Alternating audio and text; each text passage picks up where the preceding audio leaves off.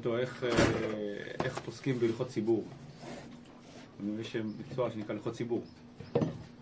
הלכות ציבור זה הדרכה לא לפרט, אלא הדרכה לציבור. איך אה, להתנהל, כן, איך ה... מה ההדרכה הנכונה בעת הזאת, בזמן נתון, אה, כן, למי שמוביל את הציבור, למנהיגי הציבור, בתחומים ציבוריים וכולי. אז, אה, אז, אז מאיפה פוסקים את זה? כאילו מה, זה לא שולחן ערוך, זה גם לא רמב"ם וגם לא גמרא, כיוון שהמציאות כל כך השתנתה. זאת אומרת, בתחומים של הפרט יש מסורת והשתלשלות פסיקתית מהגמרא עד ימינו, אז אם המציאות השתנתה, אז גם הפוסקים יתייחסו לשינוי. עד שבימינו, אז כבר הפוסקים מעודכנים במציאות המודרנית. אבל תחשבו שלא היה, היה ואקום פסיקתי, ופתאום יום אחד יש אה, חשמל ולא יודע מה, ומיקרוגל, ופתאום שואלים, רגע, מה, איך מתייחסים לזה? יום אחד. אז יש לך ואקום פסיקותי, איך תלמד מהגמרא פתאום? אתה חדש, יש פה מציאות חדשה. וכשיש לך ואקום פסיקתי במשך דורות, אז המסורת הפסיקתית היא לא זה. יותר מזה אולי צריך להגיד. בזמן שהיו הלכות ציבור. לא היה, זאת אומרת, הגמרא נערכה כשכבר אין ציבור. אז איך תפסוק הלכות ציבור? אתה יכול להגיד מהתנ"ך. תנ"ך זה אופציה, אבל זה, זה לא מספיק להשליך בצורה מיטבית מהתנ"ך אה, למציאות המורכבת של, של דורותינו. יש כאלה שעושים את זה בהקשרים, לפעמים זה עובד, לפעמים זה לא עובד. זה לא מספק. אז התשובה של הרב הייתה לומדים הבארות מתוך כך. הוא לא אמר, תעיין בפסקה הזאת ותראה את התשובה, איך נוהגים במקרה שלפנינו. זה לא ככה. זה שונה. תלמד הרבה הערות ומתוך כך. מתוך כך יהיה לך, כן, יהיה לך טוב, תבונה ציבורית, נאמר. אז זה ספר זה ספר uh, שהוא... Uh, מצד אחד ספר מאוד רוחני, זאת אומרת, הוא ספר ש, שהוא הוא, הוא, הוא בשורשו בסוד. אז יש פה דברים מאוד רזים בספר. מאוד רזים ושמימיים. מצד שני, מה שמיוחד בו כל כך, זה שהוא לא עוסק במה שמאחורי הפרגוד, הוא תופר את הרז ואת המציאות התרבותית, הציבורית, החיצונית שלנו. זאת אומרת, הוא עוסק בניתוח, פרשנות, הבנה והדרכה של המציאות הציבורית סביבנו, התרבותית והציבורית סביבנו. הוא לא נשאר. ספרים אחרים, אתה לומד אה, ספרים אחרים, אז שוב, ככלל, זו הכללה גסה, אבל ככלל, ספרים אחרים, אורות הקודש, הוא לא סוגר את המעגל ברוב, באטמוספירה הכללית שלו, הוא לא סוגר מעגל להדריך את הדור והשעה. ואורות כן. אורות לכאורה בחלק גדול עוסק בדברים יותר ארציים, ממשיים, כן? מהדור והשעה. אמ, אבל זה לא, זה לא לגירותו, זה למעלתו. בגלל שהרז של אורות יורד עד לשם. ותמיד זה יותר, אה, זה דורש מדרגה יותר גבוהה שההבנה הפנימית שלך תרד להבנת הדור והשעה. כי בדרך כלל כשאנחנו לומדים דברים רזיים זה נשאר בגדר העיקרון. לא, אה, כן, לא, ולא יורד להגיד בדיוק הבנת הסיטואציה על אור זה. שזה דורש הבנה דקה יותר. אז, אה, אז בזה עוסק ספר רות. עכשיו ברור שבתוך ספר רות אפשר ללמוד עוד דברים, גם אפשר כמו שהכל קשור להכל, אז גם אפשר ללמוד הרבה דברים, להשליך על הפרט, וללמוד, להקיש מאחד לשני וכולי וכולי, אבל, אבל בגדול הספר, הייעוד שלו, המטרה שלו זה לא לעסוק בפרט, אלא לעסוק ב, ב, במהלכים הכלליים של העידן הזה, של התקופה הזאת בכלל בעולם, ובפרט בישראל, בארץ ישראל, בתחילת ישראל.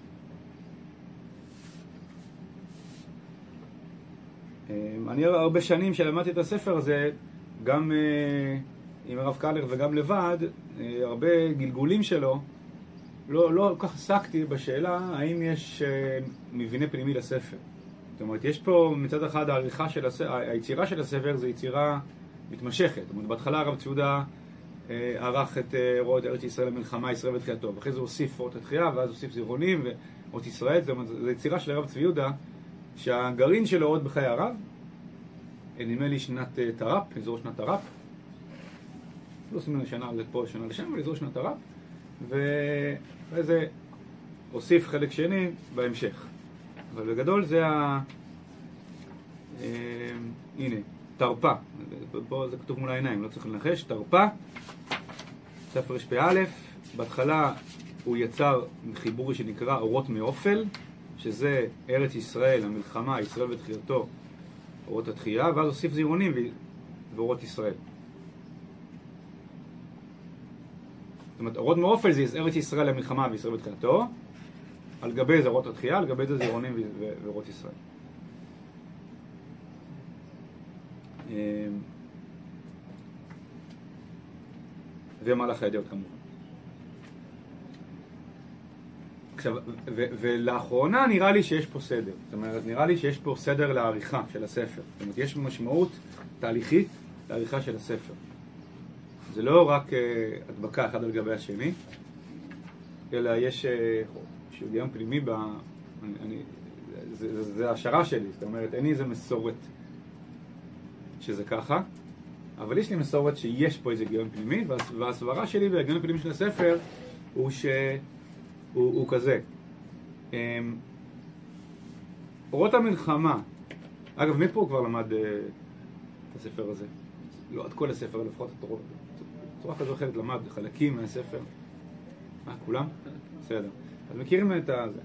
אז אה, אורות המלחמה וישראל בתחייתו הם עוסקים בהתגוששות.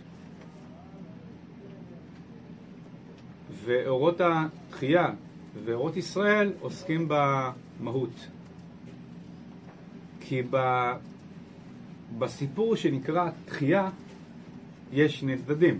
הסיפור עוסק בתחייה. תחיית ישראל והבנת התקופה, הדור, העידן, התרבות האנושית בכלל, בעידן של תחיית ישראל בארצו. ויש שני צדדים לדבר הזה. צד אחד הוא התגוששות, צד אחד הוא ש... שבקץ יש מאבק אימים על הטוב. זאת אומרת, זה, זה, זה עידן של בירור, נוקב מאוד. העידן של הקץ. זה לא שכאילו העולם מתקדם, מתקדם, מתקדם לאט לאט, עד שהוא מגיע לגאולה, ואז זה כאילו, זה, זה, לא, זה לא בדיוק ככה. זאת אומרת, יש פה כל מיני חיתוכים. אז יש, יש חיתוך כזה שאומר שלא מתעלה, אבל יש עוד חיתוך, שאומר שיש עליות וירידות, ובקץ יש בירור מאוד נוקב. ודווקא האמירה הזאת היא מאוד אה, מוכרת בנבואות, בחז"ל, וגם בעידוד בעולם, כן? בכל אה, סרט הוליוודי אה, שעוסק באחרית הימים, שזה מאבק אימים בין הטוב והרע. נכון? זה כאילו, זה הלחם והחימה של כל סרט הוליוודי על אחרית הימים. כי הם קיבלו את זה מהמסורת הנוצרית, שקיבלו את זה מהמסורת הנבואית, שיש כזה מלחמה באחרית הימים. גוג ומגוג וכולי וכולי וכולי, לא צריך כרגע להאריך בזה. יש איזשהו, יש איזה נקודת בירור, זאת אומרת שהרוע האנושי הוא, הוא אוסף את כל כוחותיו כי הוא לא רוצה להיכנע. אז דווקא בנקודות, בזמנים המכריעים של, של הזה, אז פתאום יש אה, מלחמה אדירה. מלחמה אדירה גם רוחנית וגם אה, פיזית. ולכן צד אחד של, ה, של, של הקץ זה ההתגוששות שם. שהיא בשורש היא רוחנית, והיא מתגלה גם באופנים פוליטיים ו... וצבאיים. אה, הצד השני של הקץ זה, זה האור הגדול, האור שאמור לזרוח, זאת אומרת, האור החדש, אור חדש של ציון תאיר, שזורח בזמן הקץ. שיכול להיות שיש לו, את הסיבוכים שלו, שימו לב, יכול להיות שיש לו את הסיבוכים שלו. אור חדש של ציון תאיר זה לא אומר שאין לו סיבוכים. זאת אומרת, יש סיבוכים, זה כמו, לא יודע מה, נער מתבגר, חלק מתהליך ההתפתחות. זה גם סיבוכים. אבל זה סיבוכים של, של הוצאת אור מהכוח אל הפועל. זה לא המלחמה נגד אה, רוע. זאת אומרת, יש שני אירועים שקורים במקביל. אחד זה להוציא מהכוח אל הפועל את כל האור הפנימי שיש בחיים, שזה מגיע דווקא בזמן הקץ. זה דבר אחד. במקביל, יש התגוששות אדירה מול כוחות רוע. זה קורה במקביל. עכשיו, אם אתה מבין שזה קורה במקביל, אתה לא מגיע לקושיות שכבר נשאלו על תורת הרב, שאומרים משהו מעין זה. זה דברים שאני כבר שמעתי במשך השנים לא מעט. הרב היה מאוד אופטימיסט, הוא ראה שה... שבדורות האלה, כן, המציאות התעלתה, בסמה התעלתה וכולי וכולי, וזה, וזה העיקר. אמ, ואם הוא היה רואה את השואה, הוא היה מבין שזה סותר את כל מה שאומר. זאת אומרת, השואה היא קושייה אדירה על האופטימיות של הרב. איזה התעלות. שואה זה מחזיר את האנושות אחורה אלפי שנים. אז מה, מה התשובה, כאילו, הפשוטה לדבר הזה? שיש לה גם מקורות ברב עצמו. תכף אני אפרט. לא, זה לא קשור אחד לשני. יש דברים שקורים במקביל. זה קורה במקביל. במקביל יש, במקביל לתהליך של התעלות גדולה מאוד, יש תהליך של בירור של מצבורים של רוע שעדיין נשארו בנפש האנושית, שעכשיו מבררים אותם. זה, הרב בעצמו מדבר על זה בכמה מקומות, דווקא זה, זה פסקות לא כאלה מוכרות והן לא כאלה רבות, אבל הוא אומר את זה במפורש כמה מקומות, שחלק מתהליך הגאולה זה דומה למפיס מורסה, זה דומה למוגלה שיוצא מהגוף. זאת אומרת, חלק מתהליך ההבראה זה גם מוגלה שיוצאת. אז מוגלה אין בזה שום דבר טוב, זה פשוט, זה פליטה של הרעלים. אז חלק מתהליך של זה, זה גם פליטה של רעלים, אז יכול להיות גם רעלים נוראים ואיומים שצבורים בתוך הנפש האנושית. אז בכמה הזדמנות הרב מדבר על הדבר הזה. אמ, בעיקר בכלל בעולם, אבל לא רק בעולם. לא רק בעולם. גם... אז לכן, כי יש פה דברים שקורים במקביל. לכן אני רואה את המלחמה וישראל ותחילתו כחיבורים שעוסקים באופן בסיסי בהתגוששות, ואורות התחייה והלאה, אה, אורות התחייה בצמיחה של, ה, של האור החדש של ציון תאר מתוך הסיבוכים, זה אורות התחייה, לכן זה חיבור בבסיסו מאוד אופטימי. כי זה בעצם מסמן לך את הקווי מתאר של תורה חדשה בציון. ו... ואורות ישראל זה, ה... זה המסקנה. כלומר, המסקנה או השאיפה, החתירה, היא שישראל יוציאו מהכוח אל הפועל את מהותם. את תכונות נפשם, את אופיים, את מהותם. אורות ישראל זה כאילו הראייה הכי עתידית. כי זה כאילו שנצליח להוציא מהכוח על הפועל את הפוטנציאל הפנימי שלנו. זה אורות ישראל. בסדר? זה פחות או הכיוון. ארץ ישראל, אורות ארץ ישראל זה נראה לי הספתח. זה הספתח כיוון שהספתח של כל התהליך של, של, של הגאולה זה הכמיהה לארץ ישראל. ונראה את זה שנתחיל שהכמיהה לארץ ישראל זה סוג של, ובכלל ארץ ישראל זה סוג של אה, מנגנון שמעורר את הכל. הכמיהה לארץ ישראל זה המנגנון שמעורר את כל התהליך.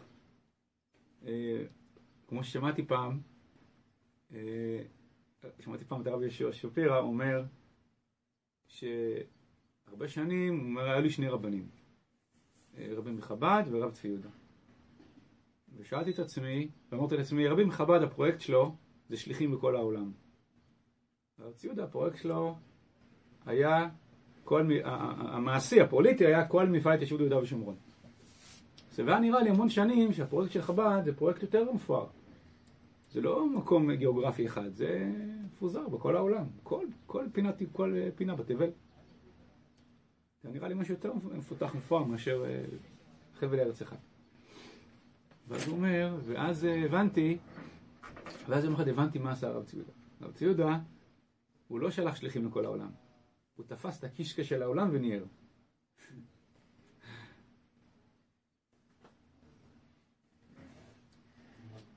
אז אה, כלומר, איך זה קשור לפה? יש פה חבל ארץ שהוא מעורר המון תהליכים בעולם. אפשר לומר באיזשהו אופן, ונראה את זה, נתחיל להיכנס פנימה, אנחנו נראה את זה יותר, שאפשר לומר באיזשהו אופן, שאתה רואה תהליכים שקורים בעולם ובישראל, בעידן הגאולה, תראה, מה שעורר את זה, זה הארץ. כלומר, העליות הראשונות מעוררות חלק מתהליכי הגאולה, השייכות של ישראל לארץ, כן, והקמת המדינה מעורר תהליכי גאולה, שיבה ליהודה ושומרון וירושלים מעורר תהליכים בעולם. זאת אומרת, המעורר זה עצם, ה... עצם הדבק הזה, לארץ. בזה צריך להרחיב, אבל בעצם יש משהו בעצם הכמיהה והחיבור, ובארץ עצמה, שהיא מעוררת את התהליכים. אז לכן נראה לי שהספתח של הכל זה עצם הארץ.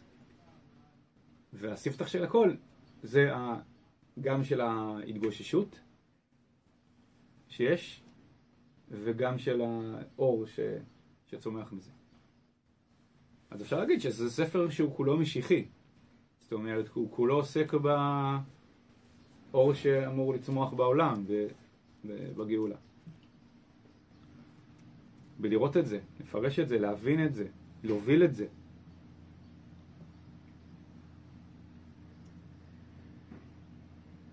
בסדר? פחות או יותר, זה ברור.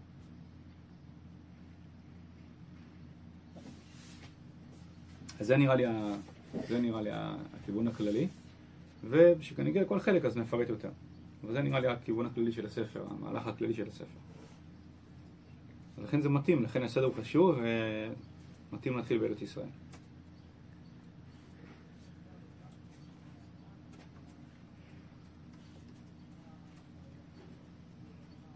טוב, פסקה ראשונה היא פסקה הכי מפורסמת. אמ, בארץ ישראל.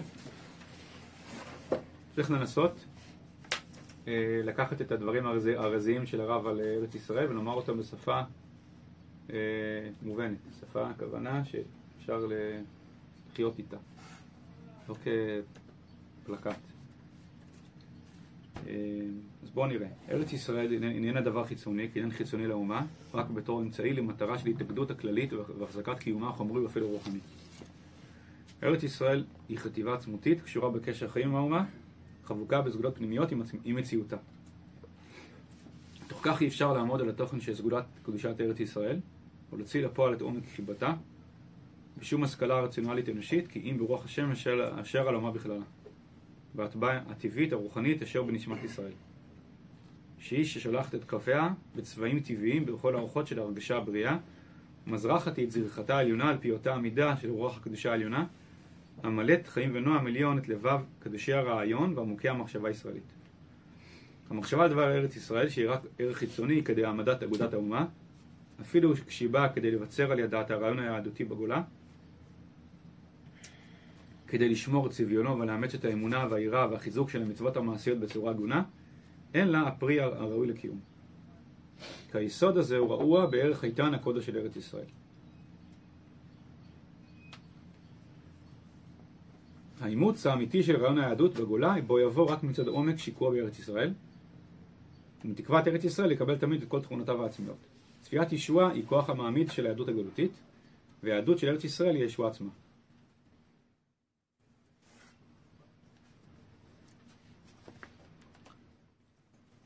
טוב. אמ, מה שמייחד את, ה... מה שמייחד את התפיסה אה, הרזית של הארץ, יש תפיסה רציונלית ביחס לארץ ותפיסה רזית. תפיסה רציונלית יכולה לומר דבר כזה. אה, מכל מיני סיבות שונות, עמים נקשרים לחבלי ארץ מסוימים, וכיוון שצברו שם חוויות שונות, אז הם נקשרים, כמו שכל אחד, לא יודע, איפה שהוא גדל, אז יש לו זיכרונות משם, ואם יש לו חוויות טובות מאיפה שהוא גדל, אז יש לו איזשהו משהו שקושר אותו למקום שהוא גדל בו. כי גדלנו שם, יש לנו חוויות משם, זיכרונות משם, אז גם קשורים לשם. כלומר, ההסבר הרציונלי הוא יכול להיות אה, הסבר גם פסיכולוגי. להישאר בהסבר הפסיכולוגי. כלומר, יש לי חוויות משם וזיכרונות משם, ולכן אני קשור לשם. אז שהרצל אומר, אה, אני מבין שאי אפשר להזיז את עם ישראל לשום מקום, כי הם לארץ ישראל. הוא אומר את זה כסוג של עובדה פסיכולוגית. כיוון שהזיכרונות של עם ישראל זה מארץ ישראל, אז כל הרעיונות להקים בית לאומי במקום אחר, זה לא יכול לעבוד, כי, כי אין מה לעשות. זה הזיכרון וזה חייב להיות שם.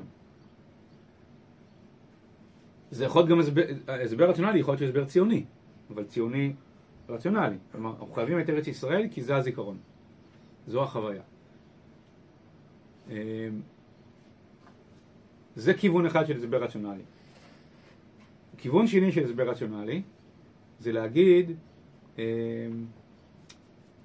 עם ישראל זקוק למקום כדי לחיות את חייו.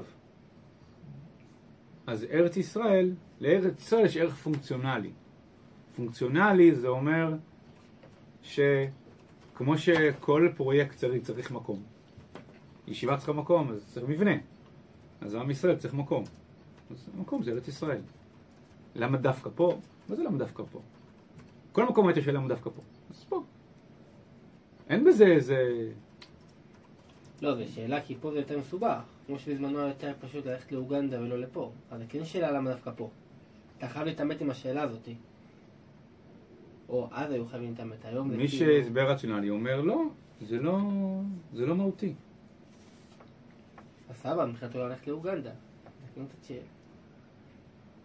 נכון. מי שבא להסבר רציונלי ילך לאוגנדה, אבל אם הוא דתי, אז הוא יגיד, בסדר, אבל השם ציווה ללכת לפה. יש יש הסבר רציונלי דתי? הסבר רציונלי מה- דתי, זה כן, אז? כן, אז, הרש"ר אז- הירש. כן, ברקע פה יש את הרש"ר הרש"ר הירש.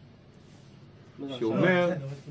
ש, ש, שזה הסבר שאומר שהחיים של עם ישראל הם לא, אין להם איזה זיקה מהותית לחבל ארץ.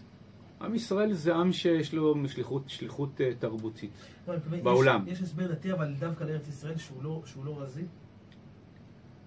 מה זה דווקא לארץ ישראל? שהוא כן, הוא לא אומר אין לו זיקה לארץ ישראל. יש לו זיקה לארץ ישראל, אבל מסיבות... אה, מסיבות מה? אני לא יודע, אני לא מכיר. אז אמרתי, יש הסבר פסיכולוגי, שיותר הסבר חילוני. אני חושב שיש הרבה ציונים, יהודים ציונים חילונים, שההסבר שלהם לקשר לארץ יהיה הסבר פסיכולוגי. ויש הסבר רציונלי, במובן הזה שאין גם, גם ה... כאילו האחיזה בח... זה לא עניין, זה, צריך את זה, כי זה כמו שאני מקים ישיבה, אני צריך מבנה. יותר אותו דבר. אולי גם כאילו קיומה הרוחני, נגיד אפשר להגיד כאילו תפיסה חרדית אולי, שבסוף כאילו מתי יכול לעשות מצוות. נו, צריך מקום, צריך מבנה לישיבה. זה כאילו, לא, נכון? אני תמיד, בסוף את המצוות האלה אני יכול לקיים רק במבנה הזה. כאילו יש הרבה מצוות שהן תלויות. בסדר, זה סעיף מזה, זה ענף מזה. רגע, אפשר לדעת מה רש"ר הירש אומר? מה? מה הרגש של הרש"ר תראה, הירש? שהוא לא תמך בתנועה הציונית. הוא לא חשב שיש איזה עניין שעם ישראל יחזור לארץ. וזה. הוא אמר ל... הוא אמר ל... נדמה לי זה היה הרב קלישר, מה שהרב קלישר ניסה לעורר רבנים אה, לתמוך בבת ציון ושיבת ציון, אז הוא אמר לרב קלישר, מה שכבודו חושב למצווה גדולה, אני חושב לעבירה לא קטנה. כי הוא אמר, מה זאת אומרת? אנחנו... אה, אה, תקופת בית ראשון זה רק היה הגיבוש. זה, זה היה המסלול, תוכנית ההכשרה של להפיץ אור בעולם. אחרי זה השם פיזר אותנו בעולם, שנהיה שליחים, של להפיץ אור בעולם. ועכשיו, דרך הקהילות השונות שמפוזרות בעולם, צריך להפיץ אור בעולם. מה, אין עניין לחזור. אה? אין עניין לחזור. בסדר? כי, כי התנועה של עם ישראל זה תנועה רוחנית. זה, זה, זה עם רוחני, שאין לו שום זיקה... מה זה ותחזינה עינינו? מה? כאילו, הרבה, הוא פוגש תכנים. על מה הוא מתפלל כאילו, מחצי מה- השני של 18? איך יכול לנתק את זה? זה לא בעיה לעשות דרשות לזה, אתה מבין? אתה יכול לעשות דרשות לזה. בסוף יהיה בנה וזה יהיה שם מרכז תרבותי, רוחני וכולי וכולי, שבאמת נצליח לסיים את השליחות של לקרב את כל העמים לזה, שם אחד, אז בסוף ייבנה שם מרכז רוחני ו... בסדר? לא צריך, אה, לא, לא בהכרח הוא היה חייב להסביר את זה, זאת אומרת, לא, אני מסכים שהוא מעוות את הכתובים, אבל, אבל אם אתה בתוך דפוס חשיבה מסוים, אתה יכול להיות עקבי בזה ולהגיד, אה, ש, ש, שה, שהסיפור הלאומי היה רק אה, במסגרת תוכנית ההכשרה, והנה נחזור לזה.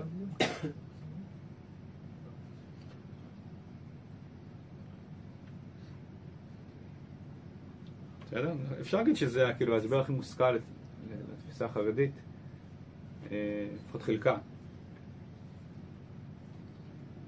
אז הרב מתגושש פה בכמה פסקאות, גם פה וגם במקומות אחרים, למשל יש סביב היחס לארץ ובכלל גם היחס ליהדות. כאילו... בכלל היחס, היחס זה מתפשט ליחס למצוות ובאופן, ובאופן ניתק ליחס ליהדות. כי ברגע שאתה, ארץ ישראל זה ענף, והמצוות זה ענף, אבל יש משהו, הוא השורש, מה זה בכלל, אה, מה זה בכלל, אגב, השורש המחלוקת, מי שהסביר אותה זה איגרת ע"א, הרב צבי יהודה באיגרת ע"א, הוא בעצם מסביר את התורף של המחלוקת של הרב הרש"ל, שבכלל מה זה עם ישראל, מה זה עם היהודי, מה זה היהדות. שם הוא עוזר, לכן זה איגרת חשובה מאוד. עשיתי שיווק לספר חדש של הרב של הרב. הרב, איך אפשר לא, לא ליפול למקום שהארץ היא גם קניין חיצוני לנו? כי הוא נכון שיש לנו תפיסות יותר מורכבות כלפי ארץ ישראל, ו... תמיד אפשר, כאילו, אנחנו גם באיזשהו מקום חיים באיזה... כלפיה באיזה משהו חיצוני, לא? מה? מה זה אומר? אנחנו פה כי נוח לנו, אולי, לא יודע. נראה לי פעם אמרו את זה לסמוטריץ', שמה? שהוא מתייחס לארץ ישראל כאילו זה שלו. וזה לא שלך, זה כאילו... שלו ולא מה? זה של הקדוש ברוך הוא. כי זה ממש כזה... הדין כאן. אני לא מדבר במישהו יותר. על היחס, על היחס כאילו שלנו, כמו... כי הרי כל, כל, הרי דיבור בנוגע ביחס שלי לארץ, זה כבר, זה כמו לדבר על, על הקשר הזוגי, של אדם עם אשתו, זה לא, נכון? זה, התיאור- יש תיאור של העם והארץ כבעל ואישה. כן. וזה איך, כאילו, אבל נראה לי שכל מילה שהיא מעבר לזה, היא, היא כבר תהיה, היא, כל, היא, היא תהיה נפילה כאילו מהאוטו, כאילו נכון זה כבר יהיה קניין חיצוני, לא? למה? רגע, קודם כל תסביר מה זה קניין, מה זה לא קניין חיצוני. לפני שאתה כאילו, אתה כבר שואל שאלה הלאה, אבל חכה. עד עכשיו רק דיברתי מה זה קניין חיצוני. אמצעי למטרה של התאגדות. אגב, אני אמרתי הסבר פסיכולוגי, אמרתי הסבר אה, פונקציונלי, רוחני, יש גם הסבר פונקציונלי חומרי. מקלט בטוח, ליהודים. היה בטוח ליהודים, זה הסבר פונקציונלי אה, חילוני. זה- הציונות בהתחלה שלהם. בהסברים מסוימים, כן, הסבר מסוים. אז זה לא. עכשיו, לפני שאתה ממשיך את זה שלך, מה שאתה מעלה, אוקיי, אבל קודם כל, מה, מה כן? מה זה אומר שהיא חטיבה עצמותית? בוא, המילים שהרב מסביר מה זה כן, זה היא חטיבה עצמותית, קשורה בקשר חיים עם האומה, חבוקה בסגולות פנימיות עם, עם מציאותה. הוא אמר שלושה דברים. חטיבה עצמותית, קשורה בקשר חיים, וחבוקה בסגולות פנימיות עם, עם, עם מציאותה. צריך להסביר מה זה הדברים האלה. מה זה אומר קשר שהוא... ש, מה זה קניין שהוא לא קניין חיצוני? מה זה אומר? עכשיו, לא חייבים ללכת, למחוז, לא, לא חייבים ללכת למחוזות כאילו מאוד לא מובנים. אפשר להישאר בדברים מובנים, אבל בעצם רזיים.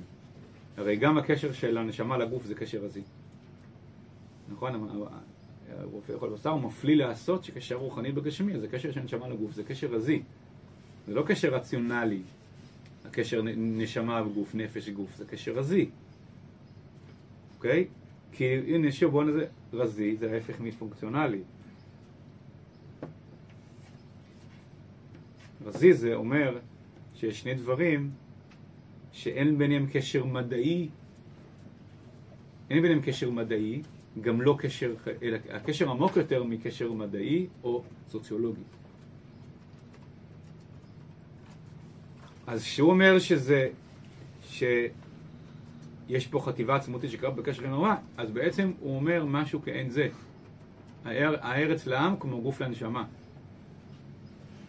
עכשיו, מה זה אומר? זה אומר כמה דברים. זה אומר, דבר ראשון, יש חיות בארץ ישראל. ארץ ישראל זה דבר חי. זה אמירה ראשונה על משהו שהוא לא פונקציונלי. ארץ ישראל זה דבר חי, כוונה, יש גם חיות בדומם. מה זה אומר חיות בדומם? זה אומר ש... שאני נמצא פה, יש פה משהו שמפעיל אותי. משהו, שקו, משהו קורה לי שאני פה.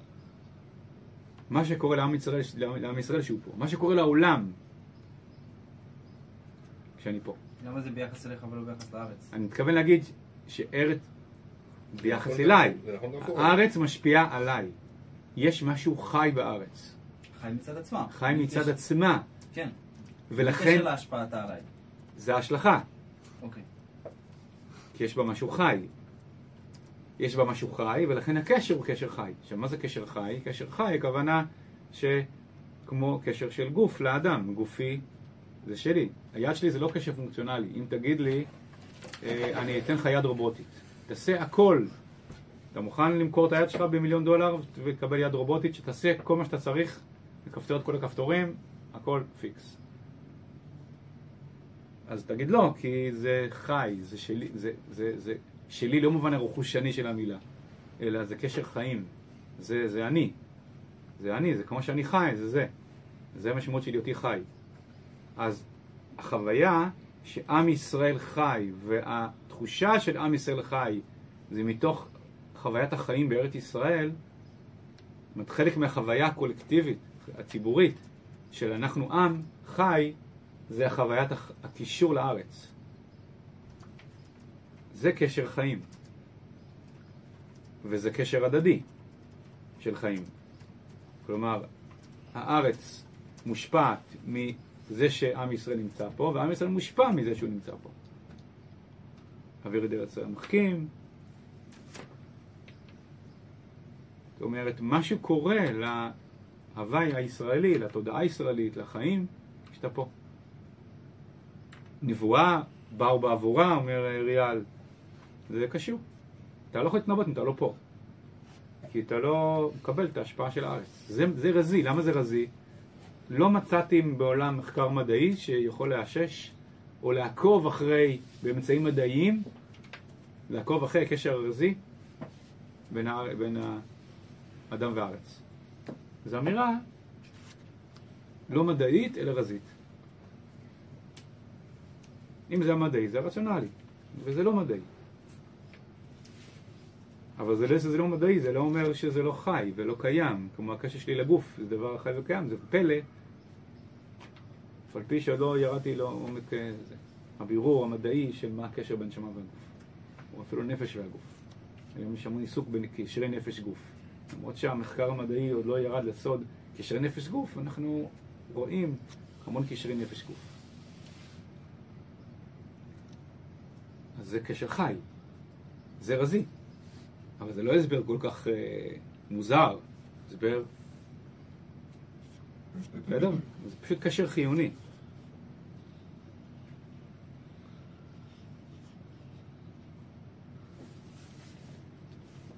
אז יש פה קשר חיים שחבוקה בסגולות פנימיות למציאותה. מציאותה, הכוונה, יש... אמ, התכונות של הארץ קשורות לתכונות של העם. אז ארץ ישראל נותנת פירותיה בעין יפה. זה תוצר של קשר רזי. מה, הארץ מרגישה את העם, ואז היא נותנת פירותיה בעין יפה. אה, ארץ עם ישראל גולה, הארץ נהיית שוממה. מה, היא מרגישה שבניה עזבו אותה אז היא מתכנסת ונסגרת? כאילו, זה, כל זה, זה סגולות פנימיות. עם ישראל פה, אז זה, מעורר את המחשבות של עם ישראל. ארץ ישראל מגדלת את בניה, זה מחשבות, זה סגולות פנימיות. אז כל הדבר הזה, זה, זה, זה הקשר החי. זאת אומרת, אתה לא חייב, כשאתה עוסק בקשר חי, אתה לא חייב להסביר הכל. מספיק לראות בעיניים ולהרגיש בחוויה שיש כאן משהו שהוא קשור אחד בשני. שה... שיש קשר, בעצם הבסיס של הקשר, הקשר החיוני הרזי, זה שיש קשר ישיר והדוק בין, ה...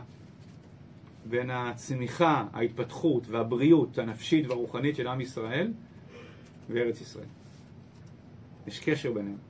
היכולת לחוות חוויה קולקטיבית ולפתח את הכישרונות הרוחניים של, שלנו כיהודים, בכלל ובפרט, הוא קשור לעצם זה שאנחנו כאן. כי היא נותנת לנו חיים רוחניים. בסדר? זה...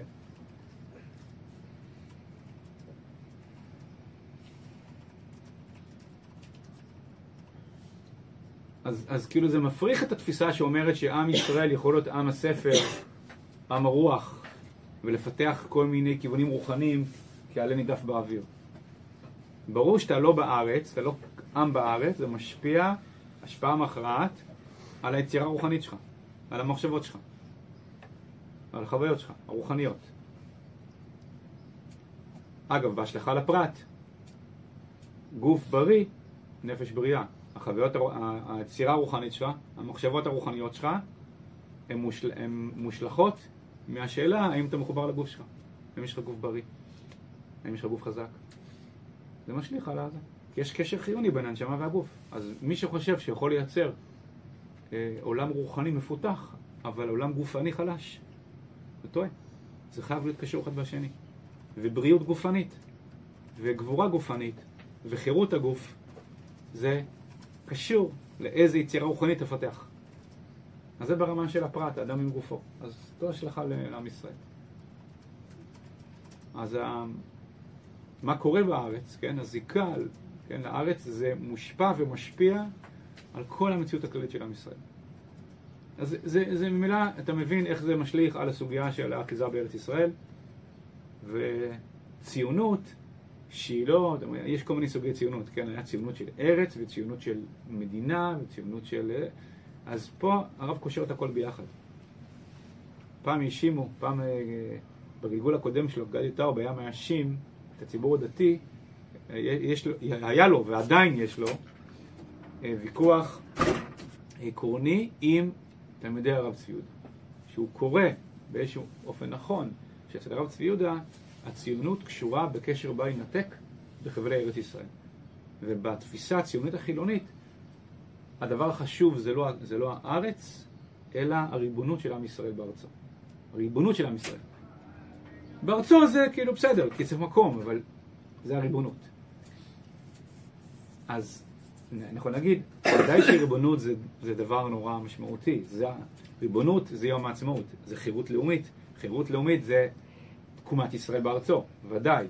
אבל אי אפשר לנתק בין שני הדברים האלה. כמו שאין חירות של הפרט שהוא לא בגוף שלו. אז, אה, אז לכן יש קשר מהותי בין חירות לאומית וזיקה על הארץ. אז זה משליך על ה... ואתה לא יכול להתייחס, אתה לא יכול להגיד, טוב, אפשר לוותר על זה, אפשר לוותר על זה, וזה לא ישפיע על כל המכלול של החיים שלך בארץ. הרוחני והריבוני. זה מה שאולי השמאל החילוני, הציוני, כן? לא הפוסטיוני, הציוני, לא הבין. שהתרופפות בקשר לארץ זה התרופפות בחיים שלך, כעם. אין דבר כזה עוז לאומי והתרופפות ביחס לארץ. זה הא בהתליא. לכן כל מי שניסה לייצר משוואה כזאת בחברה הישראלית שאומר עוז לאומי, אבל לא תלותי בחבל ארץ כזה או אחר. לא עובד. התרופפות ביחס לארץ הוא פועל יוצא של התרופפות ביחס לתודעה הלאומית שלך. פעם הייתי אצל אה, מאיר הר ציון בבית שלו, כמה שנים לפני שהוא נפטר. ומי שמכיר קצת את הסיפור, אז מאיר הר ציון הוא אה, נשאר. כסלע איתן, אה, וגם בתקופת בגין בסיני וגם אחר כך הוא אה, נשאר בעמדתו שאסור לוותר על מילימטר מארץ ישראל. היה נגד הסכם, היה נגד הסכם סיני, וכמובן נגד כל מה שעשה אריק שרון. אה, ושאלתי אותו, אה, שאלתי אותו למה. א', הוא אמר, הם השתנו, אני לא השתניתי. ושאלתי אותו, מאיפה אתה יונק את התפיסה הזאת שלך? שאתה לא מוותר על מילימטר. הוא עושה, מה זה למה? ככה. עם לא מוותר על מילימטר מהארץ שלו. כאילו, לא היה לו נימוק רוחני. הוא פשוט אמר לי, זה חוק טבע של עם. חוק טבע של עם, שאם עם מרגיש את עצמו, הוא לא מוותר על מילימטר מהאדמה שלו. כמו שאדם לא יוותר על מילימטר מהאצבע הקטנה שלו. זה, ככה הוא חווה את זה. הוא פשוט לא, לא הושפע מהזרמים ש...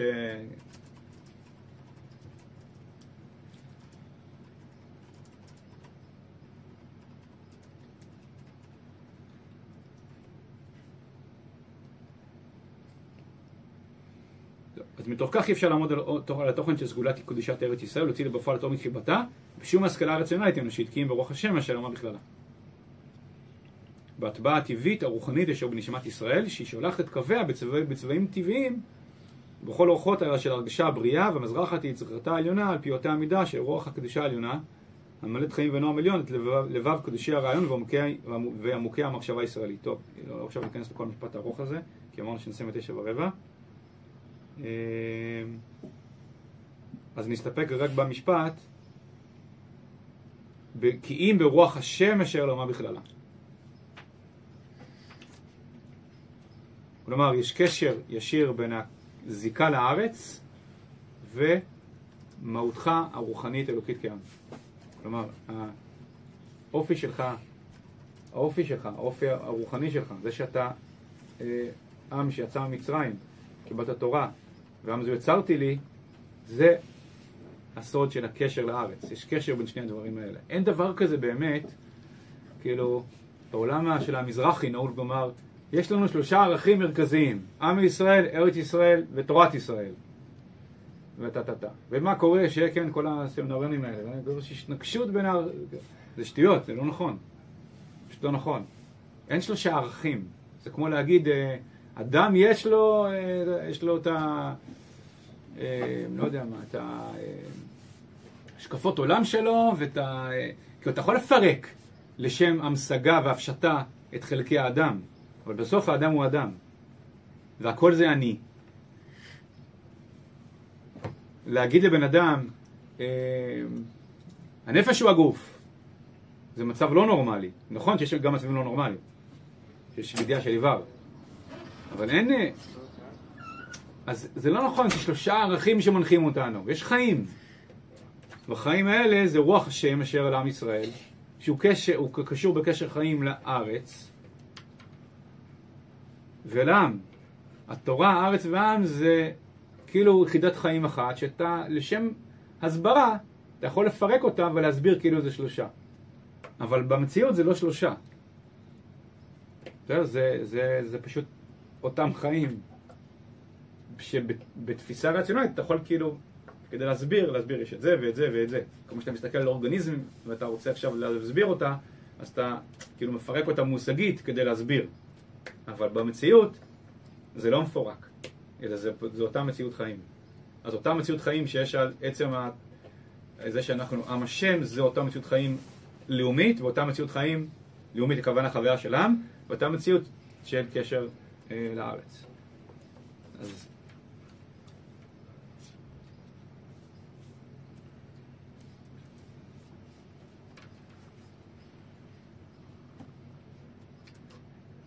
טוב, מה... שאלות, הערות?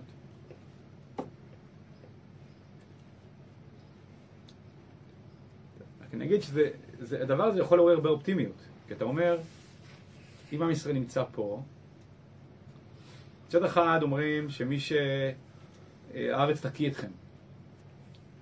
כלומר, אם אתם אה, מתנתקים ממהותכם כעם השם, אז גם הארץ תקיא אתכם, כי יש פה חסר התאמה. אז הארץ מוקיעה אתכם. פעם מישהו אמר לי, יש כאלה שהארץ מוקיעה לכל החיים, יש כאלה שרק לכמה חודשים, יש כאלה ש... כל אחד לפי עניינו. אז, אז הארץ מקיאה, כלומר יש פה איזה חוסר התאמה, אז היא מקיאה. אה, אבל מצד שני, זה שעם ישראל נמצא פה, אז יש פה משהו, יש, זה, הצד השני הוא צד מאוד מאוד אופטימי, כי אתה אומר, אה, אנחנו פה, אם אנחנו פה, אז ארץ ישראל מגדלת אותנו. אז אנחנו מצב לאין ארוך ויותר טוב ממה שהם לא היינו פה, זאת אומרת, כי, כי יש פה בריאות, אנחנו פה. כל אנחנו פה, ואנחנו מתעקשים להיות קשורים לפה, אז כאילו משהו טוב קורה פה, בסופו של דבר. כי זה, זה הסימן, אנחנו פה. אז יש קשר בין הצמיחה הרוחנית לפה. כאילו, כשאתה רואה יהודי, בעצם אפשר להגיד כך, כשאתה רואה יהודי, שהוא אומר, לא, אני פה. באיזשהו מקום הוא נשאר קשור למהותו כיהודי. וכשאתה מסתכל ברמה הקולקטיבית זה ככה. אותו חלק מעם ישראל שהוא אומר, לא, אני פה. בסדר, משברים, בעיה, זה, אבל הוא פה. זה מעיד, וזה גם משפיע על, ה... על תהליכים של התפתחות רוחנית, של דבקות, של דבקות רוחנית, של דבקות בשם, של שיבה על תורה, זה הכל קשור לזה. אתה לא, אין ניתנות בין, ביניהם. אז איפה שיש דבקות בארץ, בסוף היא תהיה, תהיה גם דבקות בתורה ובשם, כי זה לא שני דברים שונים. כן, אבל גם היה גלויות. כאילו הדבקות בארץ, זה שהוא הגיע גם גלות. זה לא מחייב. שוב, זה, זה, זה, לכן זה עובד לשני הכיוונים.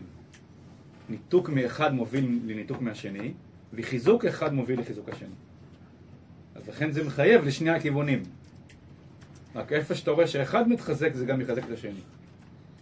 אז אתה צודק שאתה יכול לשאול באיזה, באיזה תהליך אנחנו. תהליך של... תהליך כזה או תהליך כזה. אז תהליך של חורבן זה תהליך שאחד מ- מ- מרופף את השני. תהליך של בניין, אחד מחזק את השני.